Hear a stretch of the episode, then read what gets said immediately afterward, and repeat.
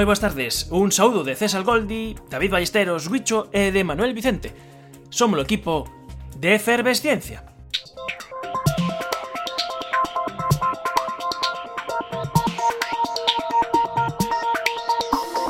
Todo home pode ser, se se o propón, escultor do seu propio cerebro. Isto é de Santiago Ramón y Cajal. O neurofisiólogo francés Jean-Pierre Flourens foi dos primeiros en demostrar que a mente reside no noso encéfalo e non no corazón, como se pensaba. Para chegar ás súas conclusións, traballou realizando ablacións de diferentes partes do cerebro de coellos, pombas, ras e outros animais semellantes. En 1824 escribiu Un pode retirar a parte frontal ou traseira, lateral ou superior dunha certa porción dun lóbulo cerebral sen estragar a función que realiza. Cunha pequena parte de lóbulo é suficiente para funcionar.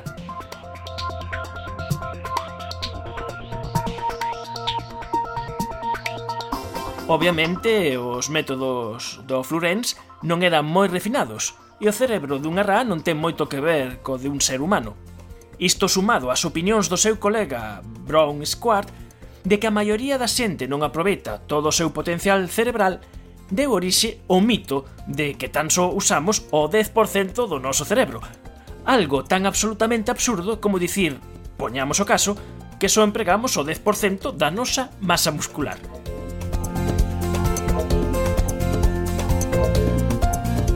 Nesta tarde falaremos, entre outras cousas, de neuromitos en educación.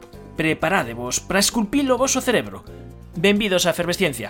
Hai outros mundos, pero están neste. Efervesciencia. Doses de ciencias en contraindicacións. Patrocinado pola FECIT, Fundación Española para a Ciencia e a Tecnoloxía, Ministerio de Economía e Competitividade, unha colaboración da Universidade de Santiago e a Radio Galega. Now this song is called the Internet Baby. And I could never believe the news when I see it on the BBC. You see, all good baby mothers, all responsible one them, all will agree. No, no more selling of no little more kids over the internet. E abrimos as nosas guicherías con Javier Pedreira, Guicho. Moi boas tardes, Guicho. Hola, que tal? Unha das dos eventos espaciais na túa faceta de aerotrastornado que sigues eh, ben a miúdo no microsiervos eh, son as SpaceX. Sí, eh, SpaceX é unha empresa fundada por Elon Musk, o tipo que creou no seu momento PayPal, que se forrou, eh, como lle mola este tema do espacio, dixo, vou facer unha empresa que fabrique cohetes. A novedade é que desde que fundou a empresa ten claro que un dos xeitos, ou o xeito para el, de abaratar o acceso mm, eh, ao espacio de todo o mundo é utilizar cohetes reutilizables. El di, é unha tontería lanzar un cohete e perdelo todo. É como se si mercas un coche para ir de aquí a Madrid e non o utilizas máis, non? pois eh, el pretende reutilizar cohetes. Levan bastantes anos traballando en isto e últimamente eh, conseguiron un éxito moi importante que foi o de volver a lanzar un cohete que xa fixera un lanzamento hai cosa dun ano. Este cohete eh, puxera en órbita unha cápsula de carga para a Estación Espacial Internacional, a Dragon 8, e acaba de lanzar o mismo cohete un satélite de comunicacións destinado a unha órbita eh, xeoestacionaria e isto é un feito moi importante na historia da investigación espacial. O señor Musk é un visionario de, de libro e, e si semella que está moi ben isto de reciclar eh, os cohetes eh, todos estes. Ademais, é un prodixo da técnica porque é pensar como é aterrar nun punto moi concreto eh, no océano, nunha base, ademais con nome así moi chulo, e ademais eso sería como aterrar, pois, non sei, a Estatua da Libertade eh, nun, nun sitio moi concreto. Técnicamente é complexo. É complexo, sí, efectivamente, además a comparación de agua porque a Estatua da Libertade e a primeira etapa dun Falcon 9, que este tipo de cohete, miden prácticamente a de altura. E eso, é facer eh, aterrizar a Estatua da Libertade de pé mm, en un sitio que te escolles. Ademais, unha, unha cousa curiosa de, de estos, destas barcazas flotantes, esta chamase Of Course I Still Love You, por suposto que todavía te chequero, e o nome está sacado, está inspirado nas novelas de, da cultura de Ian M. Banks, que era un coñeceu a autor de ciencia ficción británico. A, a, a cousa máis curiosa me parece de todo isto é que o cohete e a barcaza na que aterriza non se falan entre eles. Os dous teñen programado un destino, un punto no que teñen que estar, e os, eh, a barcaza mantense no seu sitio, o cohete viaxa cara ao seu sitio, e cando as súas patas detectan que tocou a plataforma, pum, apaga o motor. Pero vamos, esto así explicado parece moi doado, pero nin de coña, ten moita complicación. A verdade é que é un premio a perseverancia, porque as imaxes dos fracasos, as imaxes dos éxitos son emocionantes, pero as dos fracasos tamén. E, e ver cando esos fracasos, esos, esos que parece que, que estás aterrando e que no último momento caese eh, para baixo, mmm, ten que ser, bueno, impactante para a moral. Efectivamente, tiveron uns cantos eh, accidentes, eh, ou casi... Eh, casi triunfos que eh, no último momento, pues porque se lle esgotou o, o, o fluido hidráulico, porque aterraron un pouquiño de, de lado e caeu o cohete e explotou. Bueno, pero bueno, eh, ninguén dixo que isto fora sinxelo, entón hai que ir aprendendo do, dos erros que probablemente son os que máis se fan avanzar. Pero bueno, eso, aí o temos, o, o Falcon 9 eh, número 1021, 1021, se non me lembro mal, que xa fixo dous lanzamentos e que podría facer máis. Eh, din os SpaceX que Mm, preparar o cohete para o seu segundo lanzamento costou menos da mitade do que costaría un cohete novo, que eh, bueno, sea un importante ahorro. E en calquera caso, isto era a primeira vez que o fan. Eles teñen a esperanza de que según vayan mellorando o todo o fluxo de traballo, todo vayan eh, aprendendo o que hai que facer para ter o cohete listo para sucesivos lanzamentos, vaise todavía máis eh, eh, o, o que custa volver a lanzalo. Porque de agora a cuestión que vos eh, reivindicades ou comentades eh, en microservos é que técnicamente a demostración está feita, claro. o problema é a viabilidade económica, porque tardaron un ano en volver a poñer ese cohete en marcha. Efectivamente, tardaron un ano en volver a lanzar este cohete e o seu objetivo é ter un cohete listo para, o seu, para a súa reutilización en 24 horas, casi nada. Eh, irán rebaixando pouco a pouco o tempo este que, que tardan en, en volver a lanzar un cohete Elon Musk falaba outro día de que de cara a este ano que entra eh, pretenden ter eh, seis cohetes en funcionamento, así como en, eh, eh, en Kendas, facendo lanzamentos de xeito máis ou menos continuo, e falaba de media de unha dúcia, perdón, para, para 2019. Bueno, hai que ver se si lle salen eh, os números. Este é un proxecto que está tirando para arriba e agora ímonos a outro que vai rematar.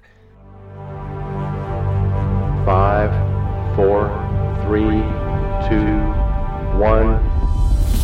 And liftoff of the Cassini spacecraft on a billion mile trek to Saturn. We have cleared the tower.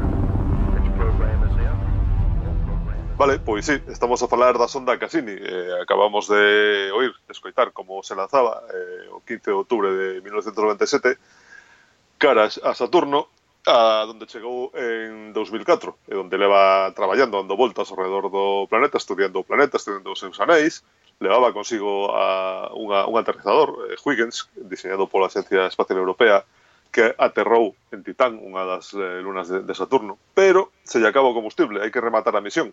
A misión vai rematar o grande, un final épico e tamén cunha lagrimiña. Sí, efectivamente. Eh, un, o, o problema que ten Cassini que polo demais está funcionando perfectamente e que claro, cando ti lanzas unha sonda leva o combustible que leva e cando se termina, pois non podes maniobrar máis. Entón o que non quere a NASA é deixala en órbita ao redor de Saturno sin poder controlarla por si chocara con alguna das súas lúas ou unha cosa así. Entón o que decidiron é que a van a lanzar contra a atmosfera do planeta para que se desintegre nunha, na, na entrada en esta.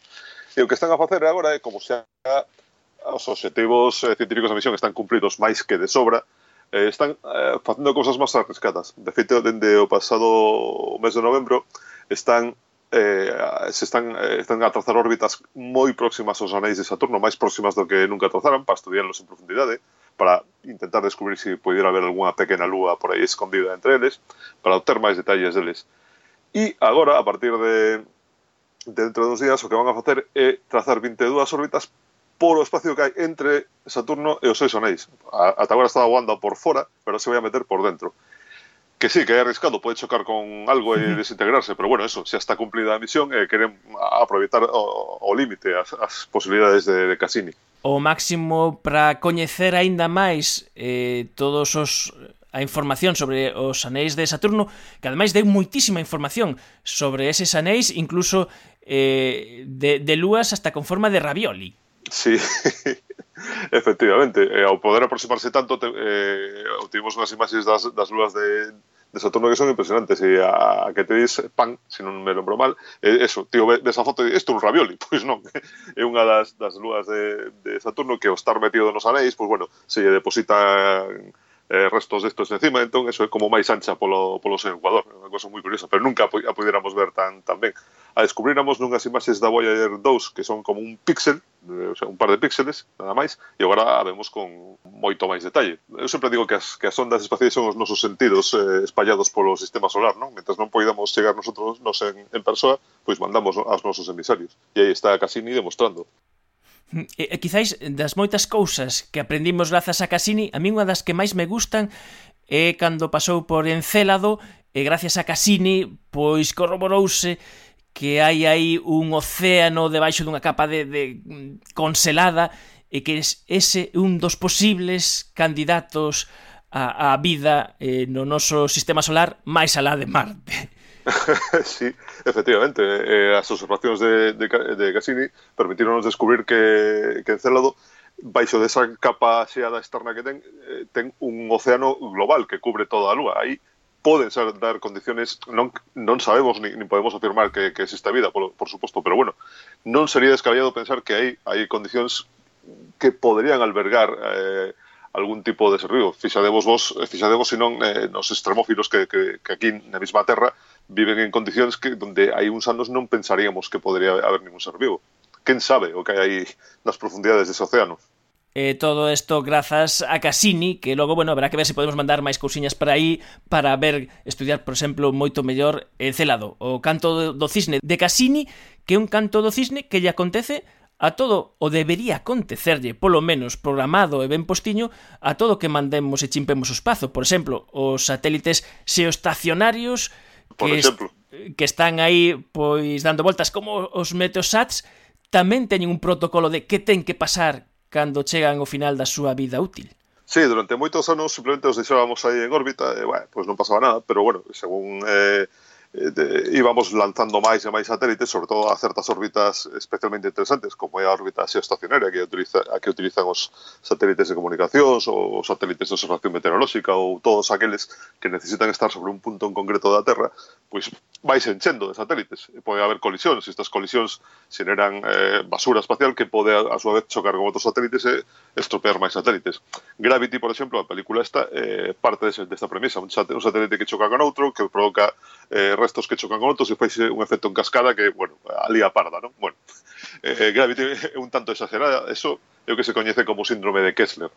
Gravity é un tanto exagerada, pero para que non pasen ese tipo de cousas, desde hai uns anos o, o acordo internacional é que calquera satélite ten que conservar o suficiente combustible ao final da súa vida útil ou, cando se lle está terminando o combustible, teñen que eh, utilizarlo para enviarlo a unha órbita cemeterio, que basicamente o que é Eh, a órbita se estacionario está a 36.000 km sobre a Terra, pois o que teñen que facer é subilo, mandarlo, mandarlo a un mínimo de 200 km máis para arriba, co que xa non pode interferir con outros satélites en activo. Outra cosa que se fai é que en, cando levas para esta órbita de cemiterio, tens que asegurarte de que non queda combustible, que non queda ningún tipo de propelente nos seus depósitos, que calquera dispositivo biotécnico destos que se utilizan para liberar partes do, do satélite está eh, disparado, que se desactivan as baterías, que se si un satélite que xira sobre eh, si sí mesmo, por exemplo, un dos últimos satélites que, que enviamos a órbita cementerio foi o Meteosat 7.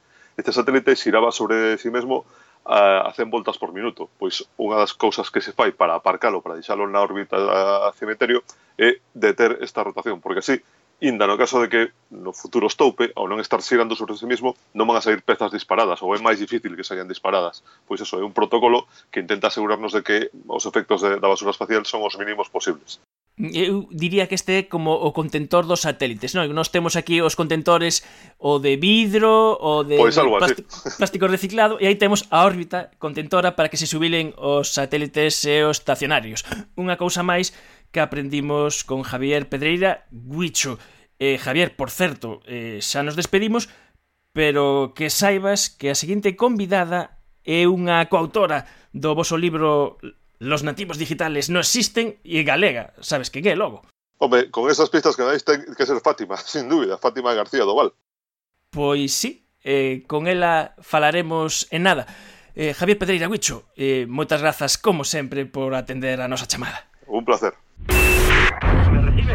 Sí, sí, sí, le recibo. Me he soltado. No, no lo sé, no lo sé, estoy girando. No puedo, no puedo. El GPS no funciona. No puedo, no funciona. Ah, ah, no puedo, nada, no veo nada. No, ¡La no, estación! no. Necesito que se concentre lo que sea, utilice el sol y la tierra. Deme No puedo unas respirar. coordenadas. No puedo Unas respirar. coordenadas. Doctor Stone. Está gastando el oxígeno, como a sorbitos, no de un trago.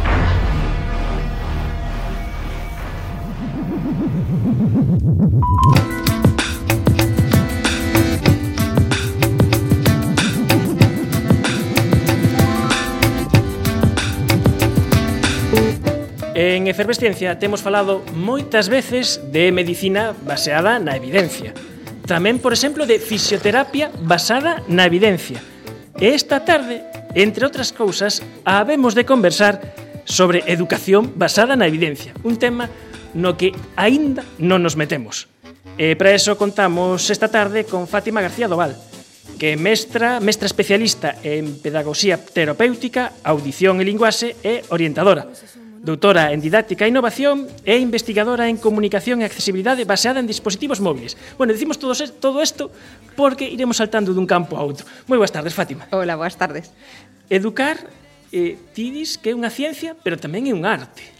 Sí, ten, ten un pouco de ambas as dúas, de ambas as dúas facetas. Eh, hai que saber, evidentemente, a que, que cuestións eh, teñen unha fundamentación científica, pero tamén hai cuestións que teñen moito que ver eh, coa habilidade persoal e iso é algo que, que vai en cada un e na capacidade que tes para conectar cos teus alumnos. E iso sí que non hai unha receta máxica para isto. Fátima García Doal deu a última conferencia de escépticos no PAF eh, esa, esa, coido que esa mítica cita en Santiago de Compostela o último venres de cada mes onde se falan unha chea de temas entre eles moitas veces de mitos.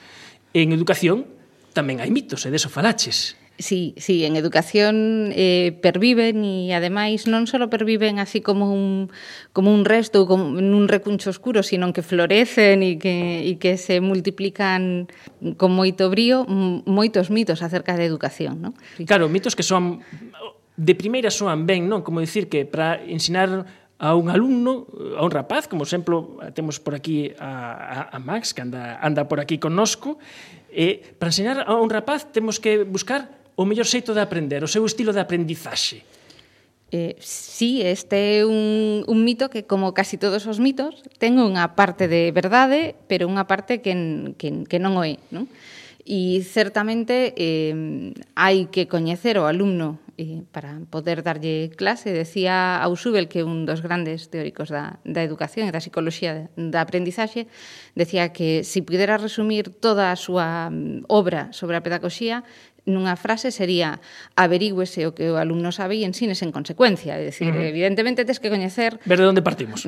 A persoa que tes diante. Eh, o que sabe e como aprende e co, como lle gusta, o que lle motiva. Pero iso non quere decir que lle teñas que enseñar así ou solo así. É dicir, por moito que a mí me guste eh, aprender leendo manuais, eu non aprendo a conducir lendo un manual non só lendo un manual, é dicir, tarde ou tempera, temprano me terei que poñer pois ao volante e, e conducir, e, ou igual a aprender a montar en bici, é dicir, uh -huh. non se pode aprender a montar en bici lendo un manual sobre montar en bici. E falando de montar en bici, outra cousa que contaches é tamén este mito que ten a súa parte de verdade, pero a súa parte tamén eh, que non o é, é de que hai certas idades para aprender certas cousas. Eh, efectivamente, o, o problema que temos os adultos, eu sempre poño ese exemplo porque aprendín a montar en bici moi moi tarde, pero aprendín sin ningún problema.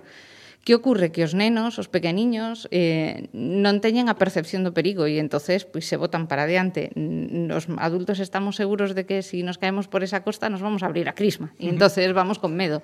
Pero o problema non é o desenvolvemento eh, cognitivo, verdad que sí? E o problema é o medo que temos a, a, a caernos e facernos dano.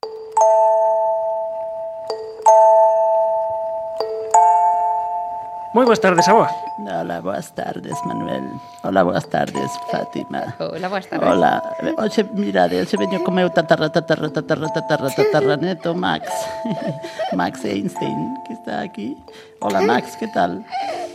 Bueno, me, eh, gustalle moito a súa boa. Eh, Max va bueno, ser a ta, ta, ta, ta, va ser, xa que falamos de educación, vamos a facer aquí, vai ser o noso probador. Mira, bueno. Fátima, vos a ser as aboas incluso cando estamos no alén. Xa vexo, xa. Xa ves. Bueno, a boa de Einstein, a nosa principal colaboradora, que nos conta? Mira, a, a, me, vou aproveitar para dicir unha cousa. Metade das frases que se lle atribuen, mira, este, está pasando bomba o meu tatarra, tatarra, tatarra neto. Mira, non sei por que será. A metade das frases que, que se asocian ao meu, ao o meu neto a Albertiño son falsas, non as dixo el, pero molan. Sí. E, e, e quedan ben. E eu estou por incorporar unha, unha nova frase para que lle atribúan a Albertiño, a ver se nos entra ben así nos, nos nosos miolos. A ver. Cando dicimos que as novas xerracións aprenden cada vez menos, esquecémonos de que nós tamén fomos unha nova xerración en algún momento. A ver, é certo ou non é certo que os nenos de agora saiban menos cousas? Non é certo. Eh, eh, de feito, eh, normalmente cando se critica que aprenden menos, estamos falando ou normalmente de contidos curriculares, daquelos, daqueles contidos que aprendemos, por decirlo así, eh, dentro de asignaturas, eh, en a escola. E se facemos unha comparativa entre, entre os currículos, entre o primeiro currículo que houbo así mm, eh, un deseño curricular mm, establecido en España, que foi o da Lei do 70, e o que temos agora, por exemplo, pois eh, evidentemente os que temos agora están bastante máis mm, non vou a decir cargados, pero sí eh, enchidos de, de contidos detallados. Eso non quere decir que igual non se traballaran antes, é dicir, hai cousas que antes non se explicitaban e ahora sí. Uh -huh. Pero, dende logo, menos de ningunha maneira ou mellor cousas diferentes. Evidentemente hai cousas que eran moi importantes cando nos estudiamos que agora igual se pasan un pouco máis de, de puntillas. Igual que cando nos estudiamos igual era moito máis importante facer boa letra e agora igual non é tan importante esa letra primorosa, non? Home, pois, eh, entón, que pasa? Que hai, hai modas en... está, está pasando bomba. Hai modas en educación, porque, mira, pregunto isto, porque cada vez que me cruzo con John Bain, sabes, John, o dos, os dos diagramas, bueno, ali no pues, facemos moitos chistes así un pouco verderolos sobre interseccións, unións e todo iso. né? Non Pero- nos imos contar agora. No, no, no, no, non. no, no, no, ademais está aquí eh, Max. Eh, pero tamén me lembro de, da xeración de nenos que tiveron que aprender os diagramas de Ben e, e que despois non nos volveron ver na vida. Sí. Non. Eh, eh, a xeración... O mellor nalgún pasatempo, algún xornal, pero... Sí, Para na... facer chistes. Claro. Na xeración de, de XB estivo mm, prácticamente durante moitos anos de moda eh, un modo de ensinar as matemáticas que partía das teorías de conxuntos e que se mm. traballaba con diagramas de Venn mm. e que, bueno, pois se trataba se, se explicitaba moito xa nos primeiros cursos como se relacionaban os concursos os eh, conxuntos entre sí, pois se eran tiñan pois un tipo de correlación ou outro ou un tipo de intersección ou outros, non?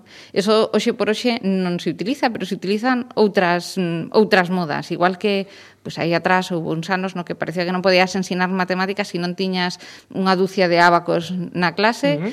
e, e esas modas veñen e van non, non, evidentemente se si o profe está convencido de que só lle vai axudar e o usa ben, pois estupendo pero eso non implica que sea objetivamente mellor. O mellor que o profe é bo eh, utilice unha técnica, utilice outra, eh, porque a sabe utilizar ben, porque ten ese coñecemento e ademais ten esa arte de tratar cos alumnos, por eso saen os resultados. Sí, e a veces tamén por, por inseguridade, non? Pensade e eh, quero que non, non malinterpretemos este exemplo, pero que me parece moi gráfico. Se si recordades, cando Dumbo tiña que aprender a voar e non, non, non era capaz e se lle dá unha pluma e con esa, con esa pluma aprende a voar, porque está convencido de que pode.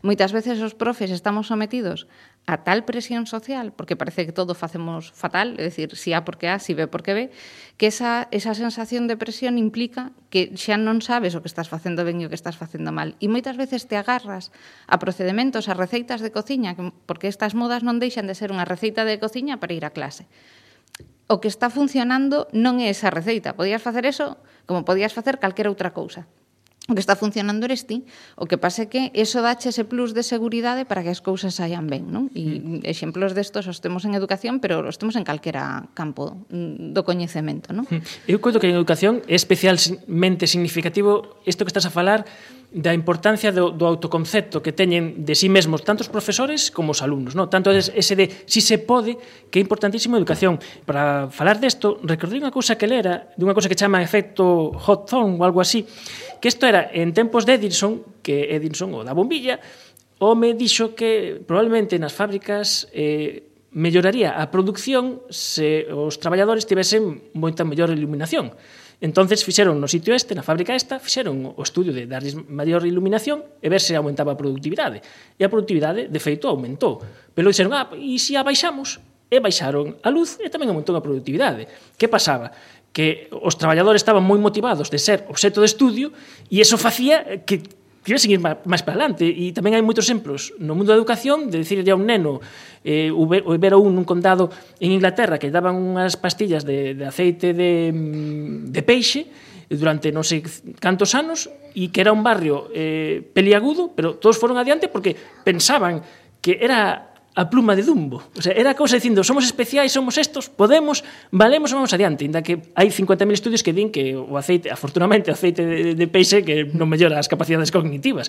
Isto en educación un arma ben utilizada superpoderosa. Sí, é, un, é o que se chama o autocumplimento da profecía ou a profecía autocumplida. E hai un montón de estudios, os máis clásicos son os de Rosenthal e Jacobson, que eh, colleron a grupos de alumnos, a dous grupos de alumnos divididos ao show, e lle dixeron aos profesores este grupo é un grupo eh, excelente e posiblemente non, non vos asustedes porque van a conseguir uns resultados eh, impresionantes. Eh, seguramente isto vai a ser así porque fixemos un estudio son estupendos. E este grupo pois é normaliño e vai avanzar como boamente poida porque bueno, é normal En realidad estaban repartidos o show. O que eh, fixeron eh, eh, tanto Rosenthal como Jacobson en primaria e secundaria, porque valoraron o con cos dous niveis educativos, foi eh, comprobar primeiro, digamos, o nivel de coñecementos e o nivel de mm, desenvolvemento cognitivo deses grupos e, por decirlo así, resumindo moito o estudio, gardalo nun caixón e non miralo dividilos ao chou e deixar que pasara o curso e observar que facían os profesores con esos alumnos.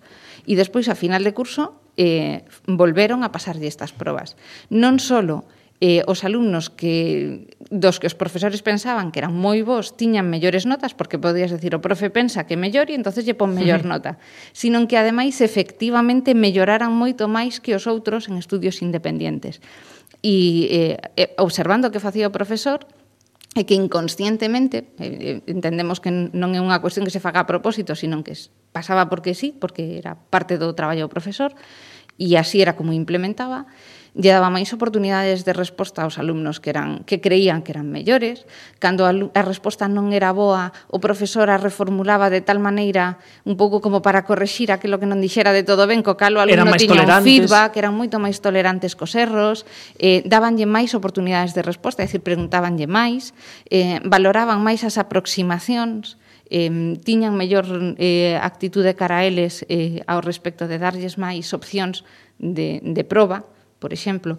E, eh, e todo isto, pues, evidentemente, consistí, eh, conseguía ao final que, que o alumnado eh, avanzara moito máis.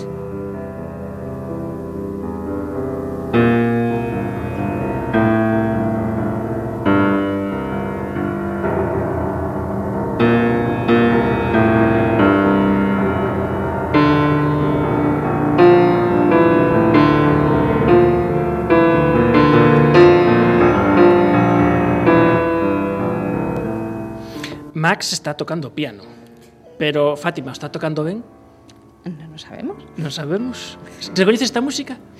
Mm, non me atrevo. vale. Esta música tócase con esta man. Cunha man, coa man esquerda. Sí, ahora sí. Sí, ahora xa sabes. Por eso decía o de Max, porque este esta composición é para ser tocada cunha súa man.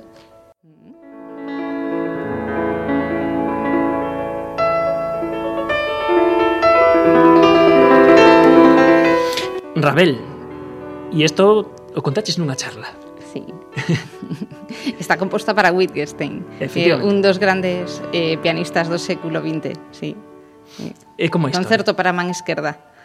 Eh, eh, Wittgenstein eh, era pianista e era un eh, un gran pianista, de feito, con unha prometedora carreira, pero, bueno, eh, unha guerra mundial acabou con, con que perdera o brazo, o brazo dereito in, pois o normal mm, por entendendo normal como habitual sería pois que esta persoa deixara a súa carreira musical e se dedicara pois a outra cousa, ou mellor a compoñer, pero dende logo non a tocar o piano, porque bueno, E o hmm. piano con 10 dedos vas escaso, pero con hmm. 5 vas moi moi moi moi apurado. O dis por experiencia. Sí. sí. Tento tocar o piano de vez en cando. E a mí me fan falta as dúas mans para tocar eh, algo parecido a isto e, co, e con 10 dedos non chego. pero eh, o que fixo Wittgenstein foi eh, non arredarse e pedir eh, que lle compuxeran que lle compuxeran obras para a man esquerda. E un dos que o fixo foi, foi Ravel. Bueno, Ravel é un dos grandísimos compositores de un monstro da, da composición no, no século XX moitas veces non nos damos conta do, do estupendo compositor que era. E se nota en cuestións como estas non? En ser capaz de compoñer algo que enche tanto de son como, como este concerto eh, e está tocado con unha sola man. Música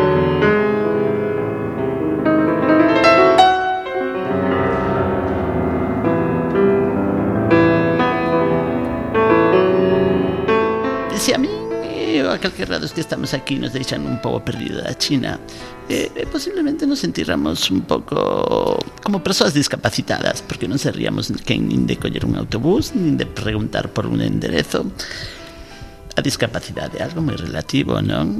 Sí. Es, ese non que lle digan a xente que levamos próteses, non, Manuel? Mm-hmm. Mm. Refírome ás, ás gafas por exemplo. Claro, claro. Sí, de feito é unha, digamos, unha cuestión común cando falamos de diversidade funcional, o exemplo clásico é cando lle preguntas a, a un auditorio quen, quen é discapacitado, quen leva próteses e mm. ningún dos que leva gafas se sinte aludido. No, no, eu sen as gafas non sería quen de ler, Ou seja, se eu sen as gafas non podría facer unha vida normalizada. Mm. Hai un, un texto moi moi bon que, bueno, é dunha autora eh, estadounidense nun libro que se chama Disability It's eh, Only Natural que a discapacidade é unha cousa natural na que fai unha, un relato do que sería unha persoa que ve nunha cidade montada por e para cegos con persoas cegas e como esta persoa de repente é o raro e o que se sinte discapacitado, por exemplo. Todos eh, temos unha discapacidade que, que si se fai de noite e non, te, non temos luz, non vemos por onde vamos. Pero iso para unha persoa cega non é un problema, non é un problema engadido. Entón, depende un pouco, digamos, dos recursos que temos socialmente e no entorno físico ao noso redor e da, da práctica que teñamos para desenvolvernos con ou sin eses recursos. E, por exemplo, neste exemplo de que nos chimpan en China, e realmente seríamos como unha persoa con discapacidade intelectual, porque non seríamos ninguén de comunicarnos, nin de entender mensaxes escritas, nin orais, pero claro, se agora levamos un móvil que te traduce do chino, que xa os hai, que lle quitas a foto, traduce do chino, entonces xa mudas esa, esa discapacidade. Eh, e iso é no que eh, ti durante moitos anos como mestra estiveste a traballar, a utilizar recursos, eh, algúns que xa temos e outros que hai que adaptar para axudar a, a, na educación no eido da diversidade funcional. Sí, porque todos precisamos da tecnoloxía continuamente. Eu non sería capaz de falar coa miña familia agora mesmo porque estou aquí e non estou na miña casa, pero teño unha tecnoloxía que é un móvil que me permite salvar ese esa distancia que para min é un problema. Non non sería se si tivera capacidade de telepatía, por exemplo, pero non a teño. Entonces, para salvar esa esa discapacidade, pois teño o móvil o mesmo ocurre cando unha persoa non se comunica oralmente ou por escrito porque non pode, pues unha persoa que utiliza un sistema aumentativo de comunicación como poden ser os pictogramas, non?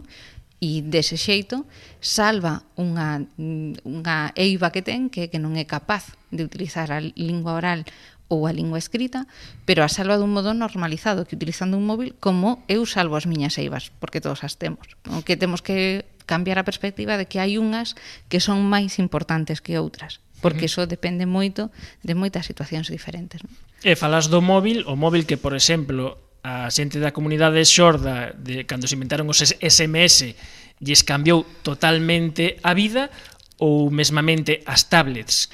Mm, sí, eh, nos traballamos moito con tabletas porque traballamos moito con rapaces que utilizan sistemas aumentativos de comunicación baseados en pictogramas e entonces, bueno, un pictograma, un, un dibuixo, eh, todos estamos acostumbrados a utilizar eh, pictogramas, o que pasa que non somos conscientes de que cada vez que vamos ao baño miramos as portas e vemos que pictograma identifica. E ás veces é un pouco com complexo, hai que dicilo. Sí, porque facer pictogramas é, eh, é sí que é un arte e unha ciencia, ademais. E hai moito traballo detrás da, da elaboración de pictogramas. A xente que elabora pictogramas ten que traballar moito coa conceptualización que hai detrás dese, dese debuxo e non sirven todos para todos os casos, nin, bueno, é, digamos que un, un proceso bastante máis complicado que dibuxar aí catro rayas, ou unha cara, ou unha persoa, un, o que chamamos un sticky man, non? O seño, o, o me de pauciños. É bastante máis complicado que eso. Pero aínda así, é decir, os debuxos ocupan e o tamaño que tes de, de pantalla nun móvil cada, cada vez é máis, pero, pero por moito que sea, non é o mesmo que tes nunha tableta. Entón, a tableta dache esa, esa vantaxe. E ademais agora temos a ventaxe que xa estamos moi impregnados da cultura maker, o de facelo ti, ti mesmo, non esperar a que alguén invente unha cousa, xa podes cacharrear e inventar ti. E sí, sí, la verdade é que estamos traballando moito en esa liña, porque ademais eh, as persoas son todas diferentes. entonces aquelo de que eu espero e que veña unha solución que me arranxe, arranxe todo, pues, pues, home, pode pasar, porque evidentemente hai solucións baseadas no deseño universal, como que comentabas, os SMS, cando eu envío un SMS ti non sabes se eu son unha persoa xorda ou unha persoa que oi. Uh -huh. Eh, e iso é, digamos, baseado no? deseño universal, é cómodo e útil para moitísima xente, para, salva moitísimas eh, cuestións, e vale para unhas persoas e para outras non, pero como moitas outras cousas.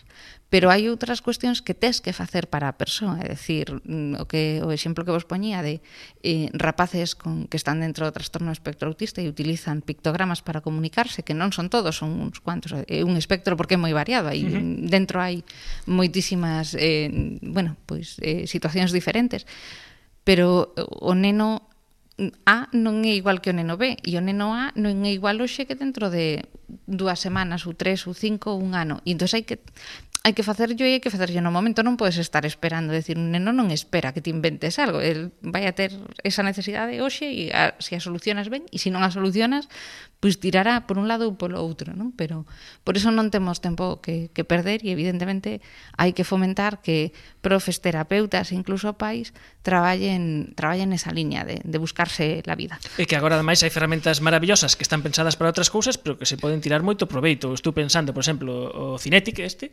Hmm. que é un sensor para, para videoxogos, pero que ten infinidade de aplicacións eh, para xente, para que, para que se poida eh, comunicar eh, cunha máquina, eh, incluso hai xogos de que deste de, da boliña que sube baixa. Sí, o, o Mindflex. Exactamente, que sí. xente que ten moi complicado comunicarse ten unha ferramenta que fai que ese casco Jedi que se poida sí. comunicar. ¿no? Eh, é moi difícil, é decir, eh, controlar eh, por BCI que eh, realmente o que, o que ten un Neurosky que é a empresa que fabrica o, o, o Mindflex está sí. Mm. un xogo da, o xogo da boliña do que estamos a falar é un BCI, un Brain Computer Interface non? unha interface cerebro-máquina Eh, no proxecto de, de investigación no que eu traballo, que é Accegal, no que eu estou facendo o meu traballo de investigación, eu son unha das codirectoras, outro é Enrique Costa, o meu compañeiro de Teleco, si Telecos e pedagogos poden colaborar e hasta se entenden. O capturaremos salen, entón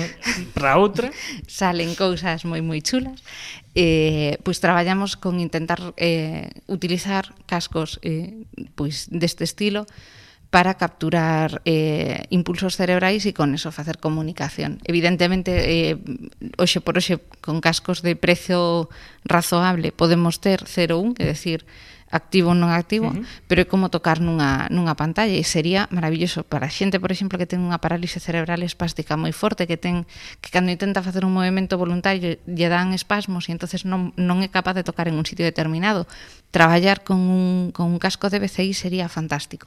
Pero bueno, eh, hai nos moi bons, pero moi caros, e os que son a prezos un pouco máis mm, que calquera podería acceder, todavía nos queda un pouquiño de traballo de software para poder afinar. Nos logramos, por exemplo, con unha aplicación que temos xa específica para, para mm, comunicarse persoas con diversidade funcional, Mm, unha, unha porcentaxe de acerto do 75%, eso non é suficiente. É dicir, un 25% de fallo na vida dunha persoa é, mm, é, é moi complicado. Además... entonces pois pues, é un camiño no que seguimos traballando, pero de momento non temos un, unha porcentaxe de éxito moi alta, pero bueno, si, eh, por exemplo, unha das momentos máis bonitos da miña vida foi co, co xogo ese da boliña, con un rapaz con, con unha parálise cerebral bastante bastante difícil, con moitos espasmos, eh, e co casco e xogando co seu, co seu pai. entonces o, o pai o que facía era facía avanzar eh, o ventilador, si coñeces uh -huh. neuro o, o Mindflex, leva un ventilador, e digamos que co casco a concentración o que permite pensando que, concentrándome permite que o ventilador xire máis rápido, canto máis rápido xira, a boliña sube. Entonces, digamos que o rapaz eh, controlaba a altura da boliña e o pai mm, avanzaba, digamos, no circuito de obstáculos. Entón, colaborando, xogaron xuntos por primeira vez. Evidentemente, a nai choraba, o pai choraba, o neno choraba, chorábamos todos, non? Pero de alegría, e un momento super emocionante porque era o primeiro xogo no que podían con intencionalidade interactuar os dous. Imos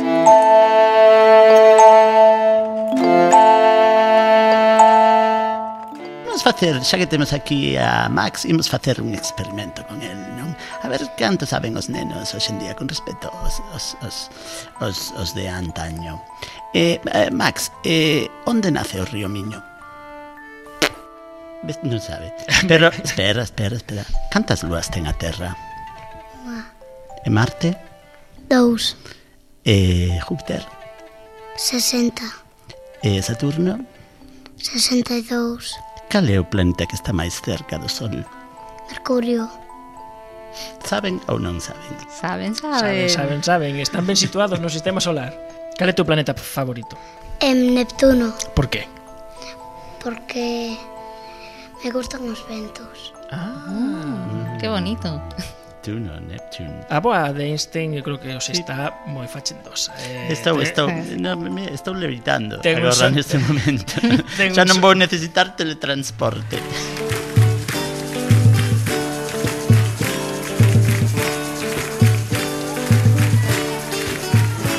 Professores, protetores das crianças do meu país. Para min, os mestres o digo, sempre o direi, para min son eh, seres dignos de, de admiración total. E bueno, non, non é porque teñamos aquí a Fátima, pero bueno, pero sí, Fátima García Doal, moitísimas grazas por achegarte aos nosos estudos. Gracias a vos. Na sala de aula é que se forma um cidadão. Na sala de aula é que se muda uma nação. Na sala de aula não há idade nem cor. Por isso respeite o meu professor.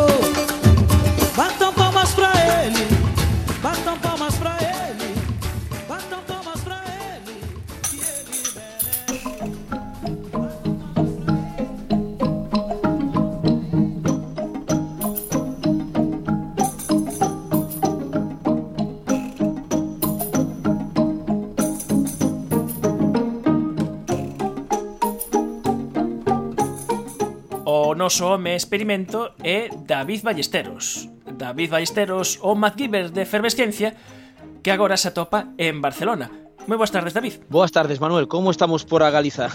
Pois moi ben, e sei que aquí estás nun sitio emblemático da divulgación da ciencia en Barcelona como é o Cosmo Caixa. Exacto, estamos no que poderíamos chamar o quilómetro cero da ciencia de Barcelona ou da divulgación científica, o Museo da Ciencia de Barcelona ou o Cosmo Caixa. Estamos aquí con unha feira de investigación para rapaces que dentro de un sintres teremos a entrega de premios. E vos levades un Dream Team de rapaces galego, de rapaces talentosos que presentan os seus proxectos. Levades coido un poquinho de todo. Sí, temos un, un surtido variado, como poderíamos decir que as galletas. Temos desde un aparello chamado Panic Pork, que é un dispositivo... Exacto, é un dispositivo deseñado para espantar o porco bravo cando se achega aos, aos cultivos. Levamos sistemas de detección de presión no pé para ver se si pisamos correctamente, análisis de pisada e ata eh, softwares de matemáticas. Un pouquiño así, un surtido variado pois seguro que levades vividos uns días moi intensos, eh, con moita emoción, o que a rapazada seguro que non perdeu detalle.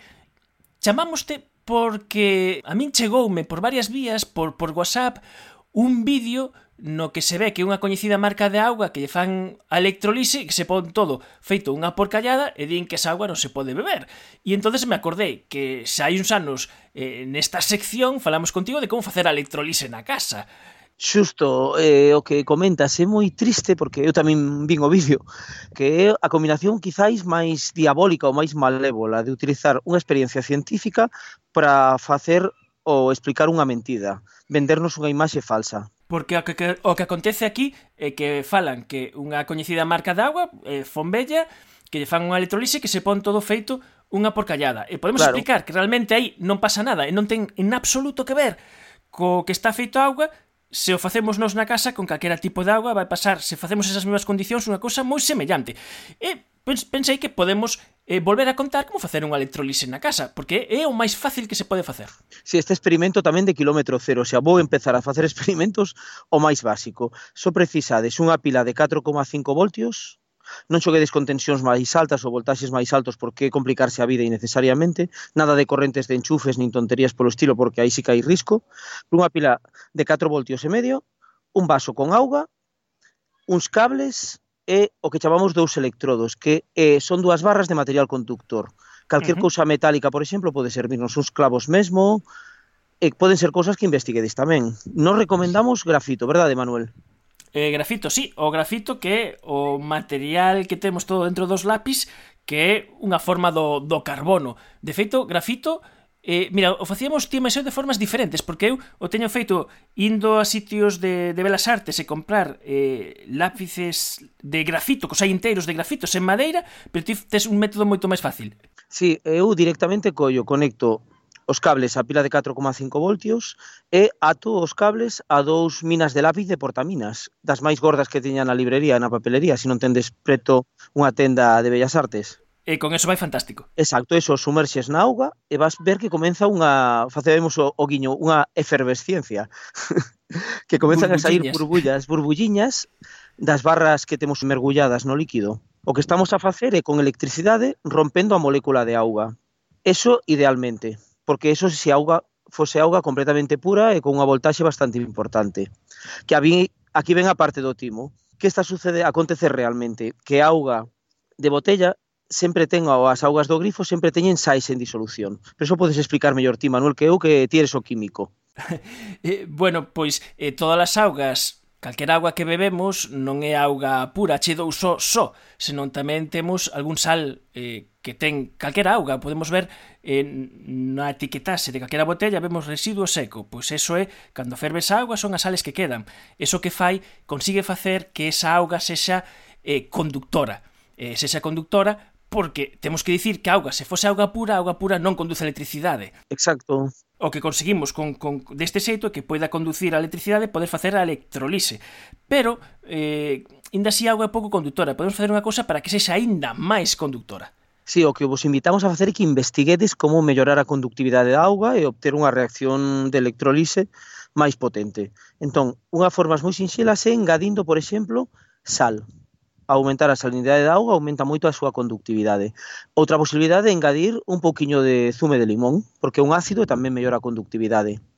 Si xogades en familia, podedes ir probando engadindo pequenas cantidades de sucre, eh, variando a cantidade de auga, probando outras posibilidades que se vos podan ocurrir e iredes vendo que a reacción sufre pequenas diferencias. E sempre, sempre, a auga vai póndose como turbia, en torno aos electrodos, en torno ás barriñas que temos mergulladas no líquido. Que eso que ten que pasar realmente en calquera auga por xa que sea. Aí está o cerne da cuestión, porque aí eh, o que é importante é o electrodo. O electrodo tamén pode chegar a participar na reacción química, ese electrodo é, por exemplo, un electrodo, un electrodo feito de ferro, o que fai é que se produce ferruxe, eh, oxídase, e ese color marrón que toma realmente non é das características da agua, senón é das características do electrodo, co cual xa solucionamos o problema do vídeo este ignominioso que circula por aí polo WhatsApp. Exacto, e se o facedes con auga do grifo, da traída, e desver enseguida, se achegades o nariz, o oso sensor químico que ven de serie, co corpo, se o, oler a auga, ides notar un olor como a piscina, como así como a cloro. E realmente o que tendes, estades a liberar cloro, non, estimado químico? pois sí, isto parece un partido de ping-pong, pero sí, e efectivamente, porque se si facemos a electrolise da auga, eh, por exemplo, dunha auga un poquinho ácida para que sexa conductora, a dividimos nos seus componentes en hidróxeno e oxíxeno, que son os dous gases, e libéranse cada un nun dos dous electrodos. Pero se queremos facer máis sinxelo, botamos o sal, que é cloruro sódico. E entón, aquí cambiamos as reaccións químicas que ocorren e nun dos electrodos seguimos a liberar o hidróxeno e noutro o cloro. E o cloro eh, nun medio básico non é outra cosa que a, que a lisibia. É un cloro disolto en agua, entonces por eso nos cheirará pois, a lisibia, a piscina terá ese, ese componente e se nota pois moi rapidamente. Sí, sí, de feito, eso é unha técnica que se está a utilizar agora mesmo para a depuración de piscinas. En lugar de engadirlle cloro, que é moi difícil calcular as cantidades, é unha solución bastante agresiva. Todos temos algún bañador de ir á piscina que quedan todos degradados uh -huh. os cores e dañados, ou os ollos completamente vermellos ao salir da auga. Ahora están a traballar ou estánse a utilizar xa comercialmente técnicas que tratan a depuración da auga simplemente facendo engadindo auga da piscina un pouquiño de sal, non como mar, sino unha pequena cantidade para mellorar a conductividade e en lugar do filtro tradicional, facer que a auga pase por un sistema con electrodos. Entón imos clorando lentamente toda a piscina cuns niveles de cloro suficientes para que sea saudable e non teña microorganismos, e a vez non saturando de cloro a piscina como facíase hasta fai ben pouco. Este é un invento para xente que ten piscinas na casa, que sei que a inversión inicial é un poquinho máis cara, pero logo non ten que andar metendo nada, porque ten auga un poquinho salgada, e se fai esa electrolise, esa mesma que vos propoñemos que fagades nas nosas casas, pois se fai para producir un poquinho de cloro que se vai circulando toda a auga e ter a piscina eh, saneada. Son as aplicacións que hai.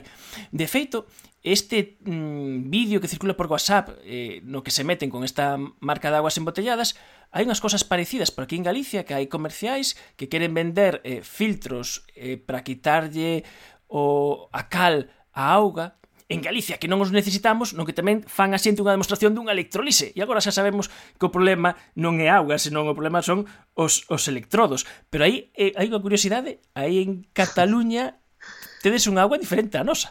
Exacto, eso é moi curioso, porque é como se si consiguen quitarlle a cal a auga de Galiza que non ten cal, ten moitísimo mérito, pero es que eso ni bo ni é malo, é mentira. A auga de Cataluña eh, ten moitísima concentración de cal. De feito, os nenos enseguida me din, ah, aquí a agua do grifo está mala, non se pode beber, non é que este mala, é que está chea de cal. Eu cando fun a vivir a Galicia, porque eu son de aquí, de Cataluña, o primeiro que me chamou a atención é que nos supermercados non había auga para, para plancha, aquí en Cataluña sempre tes que mercar agua destilada para poder planchar porque se non estropeas a plancha ca cal. É como os anuncios que salen na televisión de a cal da tua lavadora. Aquí en Galiza, tranquilos, si queredes porlle algo para cal, de fábula, pero é totalmente innecesario. En Galicia temos a sorte que son aguas moi blandas, que temos unha baixa concentración de ións de, de calcio e de, de magnesio, que son os que producen eses efectos aí raros aí en Cataluña. Pois, David Ballesteros, xa non te molestamos máis, sei que en Asiña va ser a entrega de premios de Expo Reserca, nada, moita sorte o equipo galego. Vemoste, escoitámoste tan pronto veñas para aquí de novo para Galicia. Moi ben, manteñote informado, Manuel. Unha aperta.